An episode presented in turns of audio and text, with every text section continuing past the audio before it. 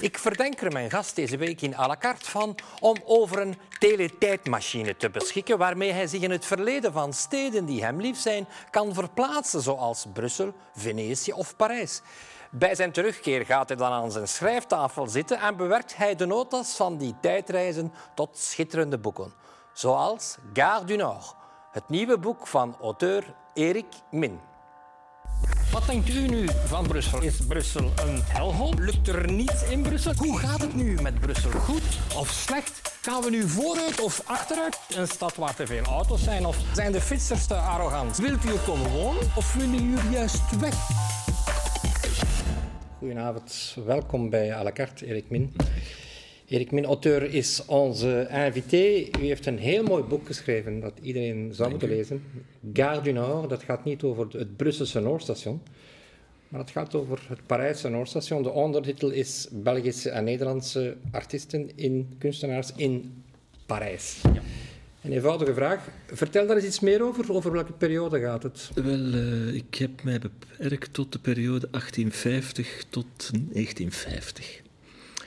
En ik heb geprobeerd om uh, vooral niet volledig te zijn. Ik, ik, lees wel eens dat het een volledig overzicht is. Dat is absoluut niet het geval en dat is maar goed zo ook. Ik denk dat een volledig overzicht dat dat een encyclopedisch werk oplevert en dat niemand daarop zit te wachten. Dus ik heb een aantal mensen niet behandeld en een aantal anderen wel. Maar die groep is wel zeer groot. Je plakt er ook cijfers op. Wij hebben daar geen besef van hoeveel artiesten er naar Parijs zijn gegaan in die periode. Absoluut, het zijn er tientallen, het zijn er honderden. En ze hebben het natuurlijk ook niet allemaal gemaakt. Er zijn de grote namen. Je kan niet schrijven over die periode in Parijs en het niet hebben over Vincent van Gogh, over Mondriaan, over Simenon. Uh, maar het zijn er heel veel meer. En het is altijd, ook zo bij mijn vorige boeken, eh, over Brussel of over Venetië, dat ik samen met mijn goede vriend Gerrit Valkenaars heb geschreven. Het is altijd mijn bedoeling om naast de grote namen uh, heel onbekende, mindere goden in beeld te brengen. En daar de verbanden te leggen waarvan ik vind dat ze moeten gelegd worden. Ja. Het is een indrukwekkend boek, maar ik was misschien het meest onder de indruk van je inleiding. Omdat je in die inleiding in feite de aantrekkingskracht van Parijs verklaart. In 1850 schrijf je ergens, is er een kentering in Parijs en begint Parijs mensen op een bijna onverklaarbare manier aan te trekken. Hoe komt dat? Goh. Ehm, stel dat ik 100 of 120 mensen opvoer in dit boek, dan zijn er redenen om naar Parijs te trekken voor die 100 of 120 mensen. Al ligt allemaal een beetje anders. En toch zitten daar patronen in. Um, je kan er niet rond. Parijs is vlakbij. Dat is nu het geval. Uh, eh, 1 uur en 10 minuten met het Alice. Maar dat was eigenlijk ook al zo, vooral in het laatste kwart van de 19e eeuw.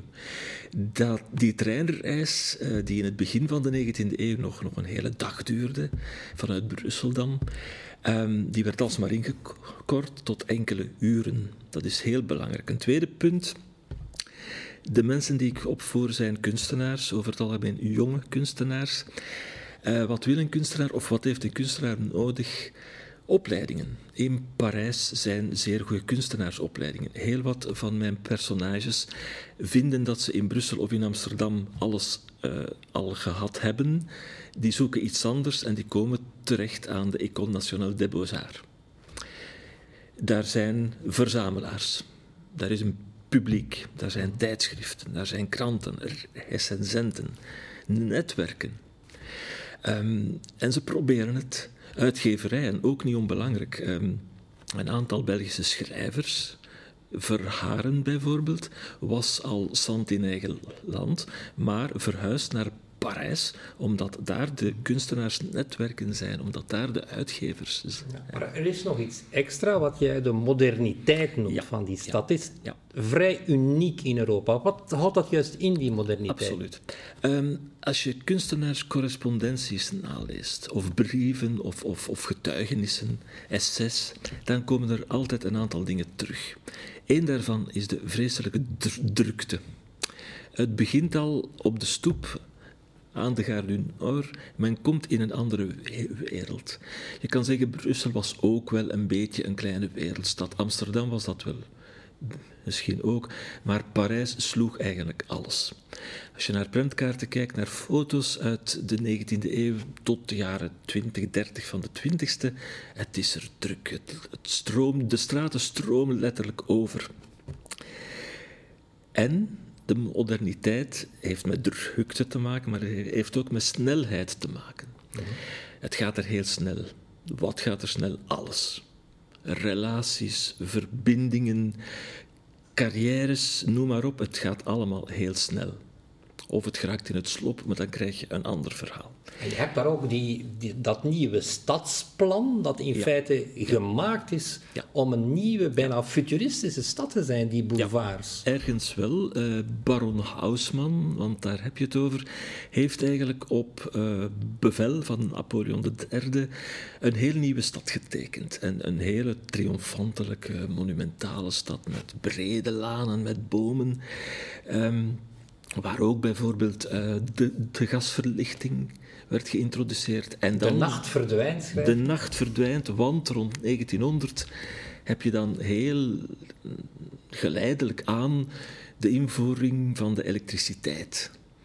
En, en dat soort dingen, de drukte op straat, de omnibussen, um, tientallen, honderden, duizenden mensen op straat die hun weg zoeken, um, de gasverlichting in de cafés, in de theaters de elektrische verlichting, dat maakt allemaal dat een kunstenaar, een beeldend kunstenaar of een schrijver, dat die daar echt in de ban geraken. Ze komen op een andere planeet. En je ziet dat ook aan uw werk.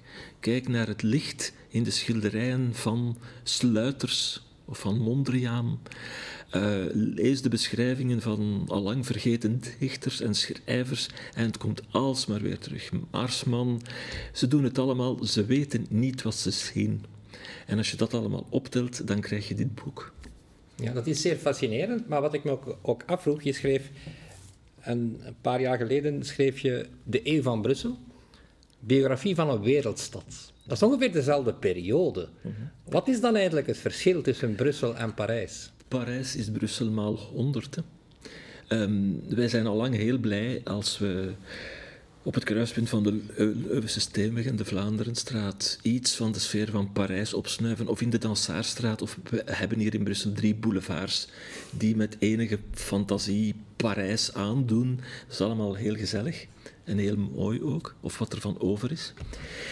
Maar Parijs is, is, is echt een, een 2.0. Dat is, dat is uh, ook, de, ook dingen als de anonimiteit in de grootstad. Parijs is een echte grootstad. Hè? Ik heb het in mijn inleiding, je kent de cijfers blijkbaar veel beter dan ik, want het boek ligt al toch wel enige tijd achter mij.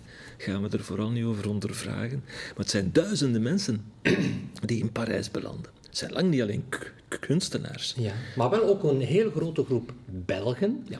waaronder ook veel, veel Vlaamse handwerkers. Ja, absoluut. Die, die ook naar Parijs emigreren. Dus je hebt daar ook een mengeling van mensen die de miserie in Vlaanderen, de armoede in Vlaanderen ontvluchten. En dat is een heel vergeten geschiedenis, denk ik. Die terechtkomen in Parijs als schoenlapper bijvoorbeeld. Ja. En dat zijn zeker ook niet alleen Vlamingen. Um, net, net hetzelfde verhaal uh, als dat dat ik heb geschreven over de kunstenaars. Uit België en Nederland kan je schrijven over de Spanjaarden. Pablo Picasso belandt in die tijd in Parijs. Talloze andere grote kunstenaars. Maar tegelijk met hen hele dorpen uit de Périgord, uit Bretagne. Er is op dat moment, er zijn, er zijn hongersnoden, er is uh, werkloosheid, er is armoede.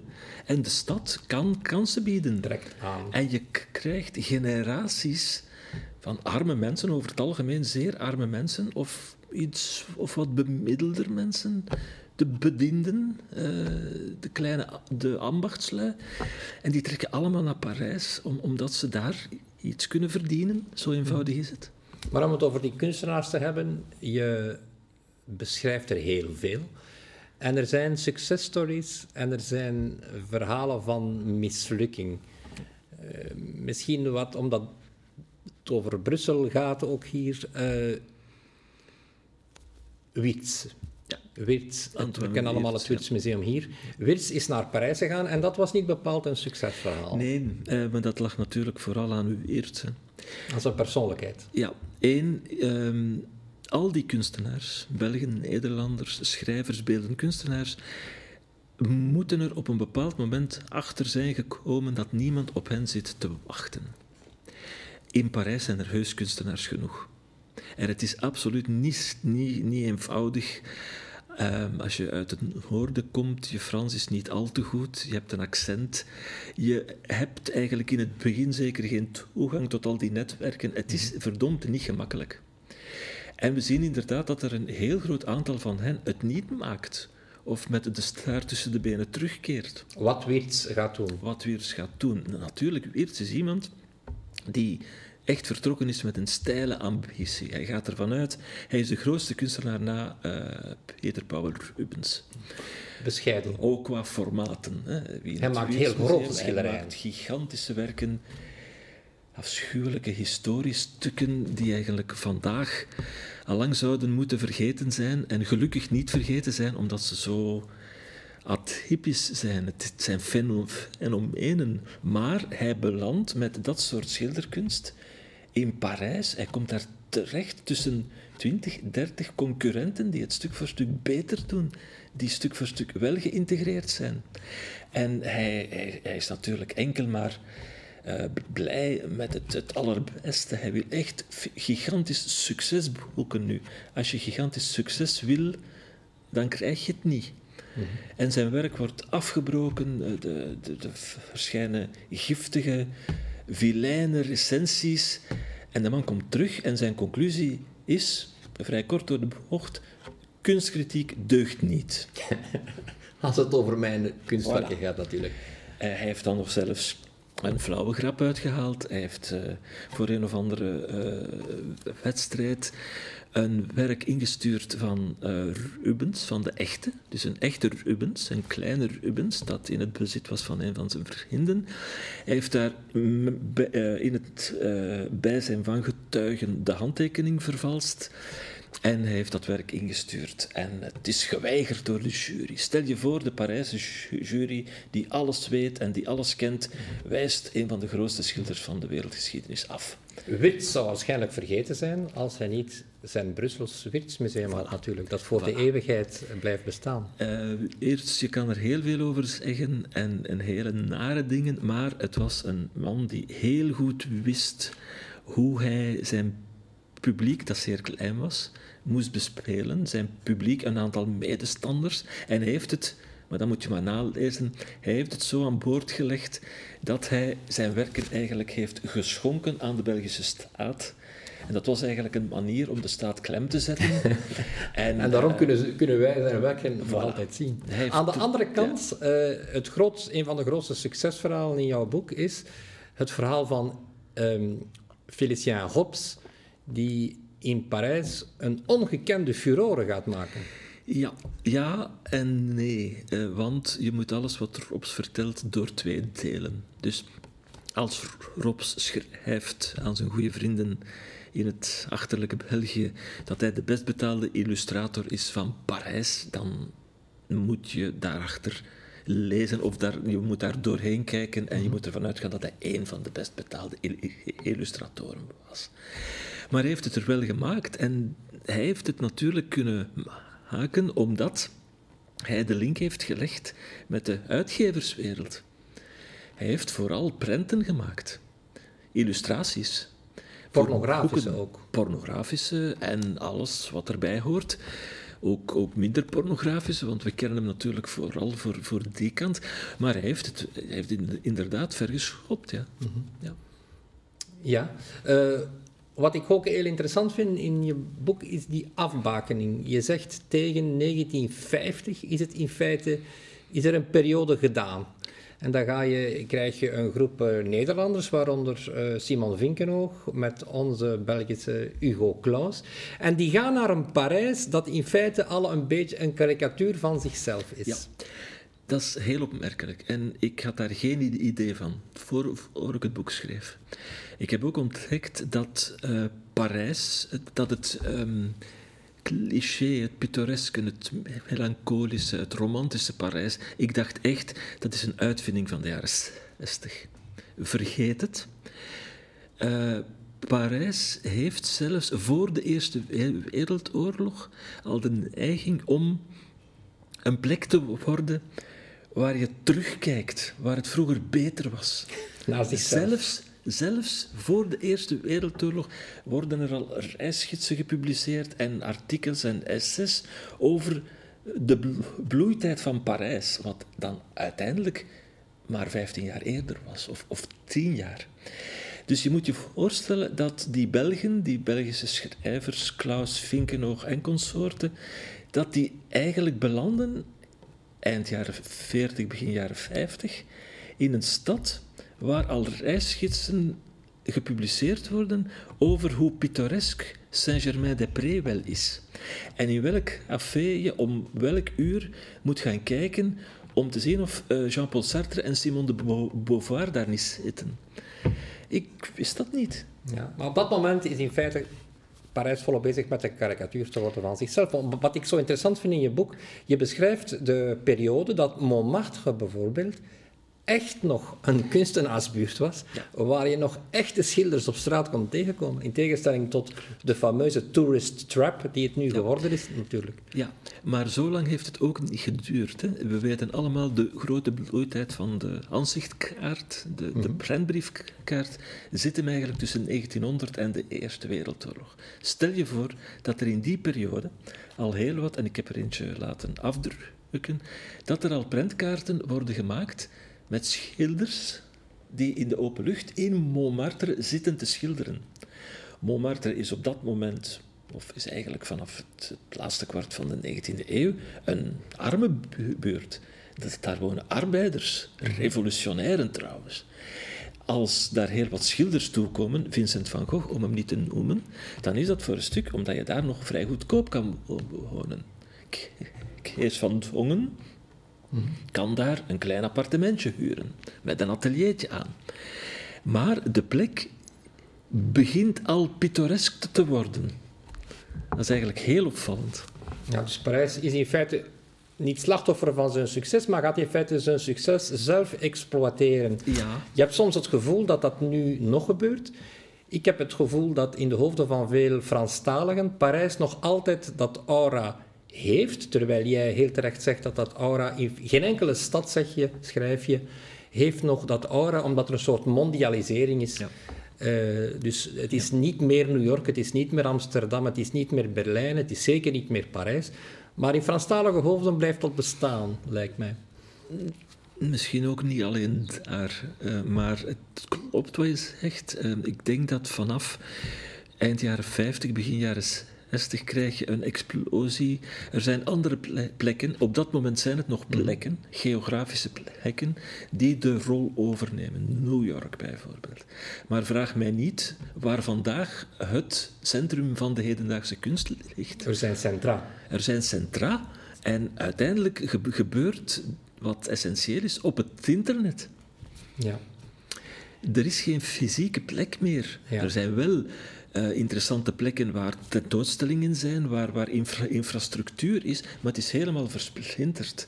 Ik denk dat die rol van Parijs 1850, 1950 eigenlijk niet is opgepakt, omdat we in een heel andere samenleving zitten. Dat heb je heel mooi verteld. Wat ook heel leuk is aan je boek, is je kan het een beetje gebruiken als een reisgids. Je kan er echt mee op stap gaan in in Parijs. Er staat zelfs een stadsplan in. Je kan dus echt, je beschrijft het heel degelijk. Het is een boek dat je op verschillende manieren kan lezen. Je kan het lezen als een, als een roman, maar ook als een reisgids. Dus beste Erik, bedankt voor je komst. En ik raad alle kijkers aan om met dit boek op de eerste TGV te springen en naar Parijs te gaan. Volgende week zit Melina hier weer. Tot dan, dag.